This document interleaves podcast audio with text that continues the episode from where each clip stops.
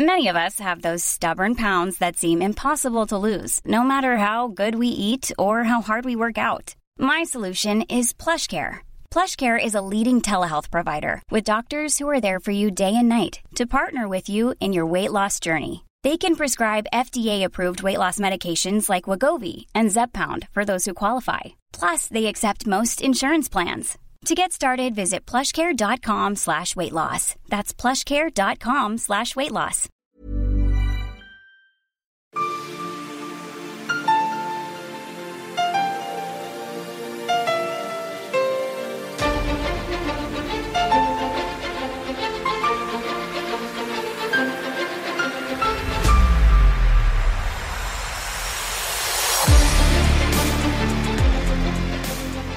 Strategisk bombning eller terrorbombning. En lördagstext för er Patreons skriven och uppläst av mig, Henning Svedberg. Krig kan i praktiken föras på tre sätt. Inte alls, taktiskt eller strategiskt. Förenklat betyder de två senare att det är taktiskt när du skjuter på soldaten eller hans saker han har runt sig i sin roll som krigare och strategiskt när du ska uppnå effekter som ger soldaten en sämre situation på lite sikt. Alltså, om du bekämpar soldaten eller hans kanon är du taktisk, medan om du skjuter på tåget som kör fram hans ammunition, mat och dricksvatten, så han inte kan skjuta på dig, svälter och törstar sig ostridsbar, så är du strategisk. Du kan också vara strategisk om du gör som man vanligt gjorde under andra världskriget och försöka döda civila, bomba städer och befolkningscentra i en sån utsträckning att de A. Inte på grund av död eller annan skada kunde gå till jobbet och bidra till krigsindustrin eller B döda så många att de styrande inte tyckte att det var värt att fortsätta kriget. Idag ska vi kika på strategisk flygbombning, vad det är och hur det började. Strategisk flygbombning började att användas under det första världskriget, även om man då från början inte riktigt förstod eller använde termen. Den första gången en stad flygbombades var den 6 augusti 1914 då tyska zeppelinare släppte medhavda artillerigranater på den belgiska staden Liège. Attacken dödade nio civila. Natten den 24 till 25 augusti 1914 släpptes åtta bomber från en tysk luftfarkost ner på den belgiska staden Antwerpen. Man kan inte påstå att de här räderna var effektiva, men de var i alla fall de första trevande försöken. Anfallen kom av de mottagna sidorna snart att kallas terrorbombningar.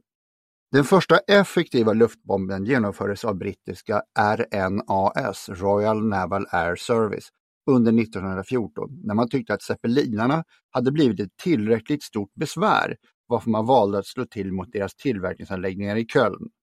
Den första attacken åsamkade en av hangarerna små skador medan den uppföljande attacken var mer effektiv. Inom ett år hade båda sidor insett hur man kunde nyttja detta nya sätt att slåss och såg då mer anpassade flygplan i divisioner dagens ljus. Eller nattens mörker. Denna första tiden försökte man verka nära fronten och bekämpa militära mål nära de stridande soldaterna för att slå ut materialupplag, koncentrationer av tross, reservförband och andra vitala mål i de bakre linjerna.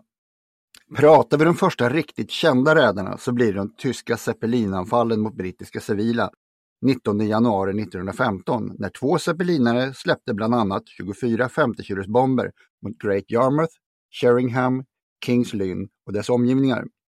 Fyra civila omkom, 16 skadades. Den ekonomiska skadan beräknades till dåtida 36 000 US-dollar. Under 1915 genomfördes ytterligare 19 räder av denna typ från tysk sida, där 181 människor dödades och 455 skadades.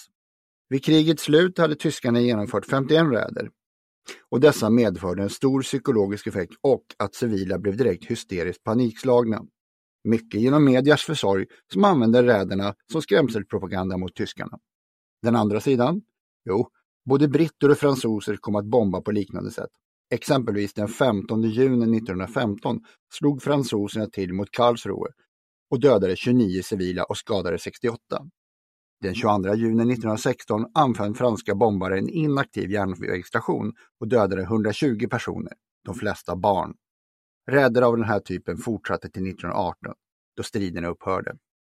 Britterna valde att strategiskt bomba med mer fokus på industri och tyska ubåtsbaser och bombkriget utfördes dygnet runt och hade vid krigets slut både maskiner och mannar att bomba själva Berlin, men attacker mot staden genomfördes aldrig.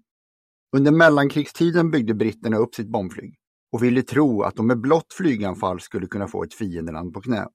Tanken kan väl ha sin rot i att Tyskland gav upp utan att blivit helt slagna på slagfältet och det andra världskriget skulle komma att genomsyras av en lång, mer industrialiserad form av bombning av civila. Bombningarna genomfördes intensivt mot London 1940 av tyskarna. Men ens deras intensivaste bomboffensiver skulle med ljusår skuggas av den fullkomliga storm av bombningsoffensiver mot tyska städer. Under vissa bombanfall deltog mer än tusen bombplan. Städer som Hamburg, Berlin, München och Dresden var vid krigets slut i Europa att betrakta som grushögar där enskilda bombningsoperationer dödat så många som 37 000 civila och sårat ytterligare 180 000. I Japan fortsatte kriget mot civila stadsbor till hösten 1945, där kärnvapen användes för att anfalla mål med tydligast civil karaktär. Det är lätt att fråga sig om dessa bombningar mot civila verkligen fungerade.